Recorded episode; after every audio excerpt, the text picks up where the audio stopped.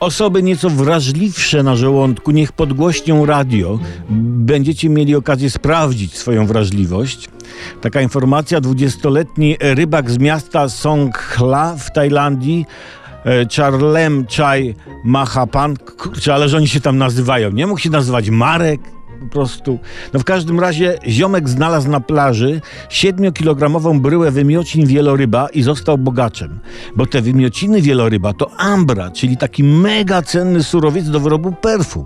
Tak, tak, wszystkie elegantki pachną między innymi wymiocinami kaszalota. Tak trzeba powiedzieć. No i tę bryłę wymiocin wyceniono na 210 tysięcy funtów, czyli milion 500 tysięcy złotych. Ludzie, tyle szmalu za 7 kilogramów pawia. Oż w mordy wieloryba, to za przelicznik. Czy ktoś może wie, czym się odżywiają wieloryby?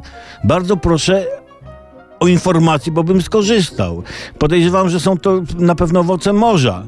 Chciałbym, bo, bo chciałbym tym, e, chciałbym tym samym wymiotować co kaszalot, słuchajcie, i dorobić sobie do pensji. E, regularne pawie zapewniłyby mi stały, godziwy dochód. No, 7 kg to bym nie dał razy jednorazowo, nie? No bo po co się tak przepracowywać? Ja tam nie jestem chciwy. Nie jestem chciwy.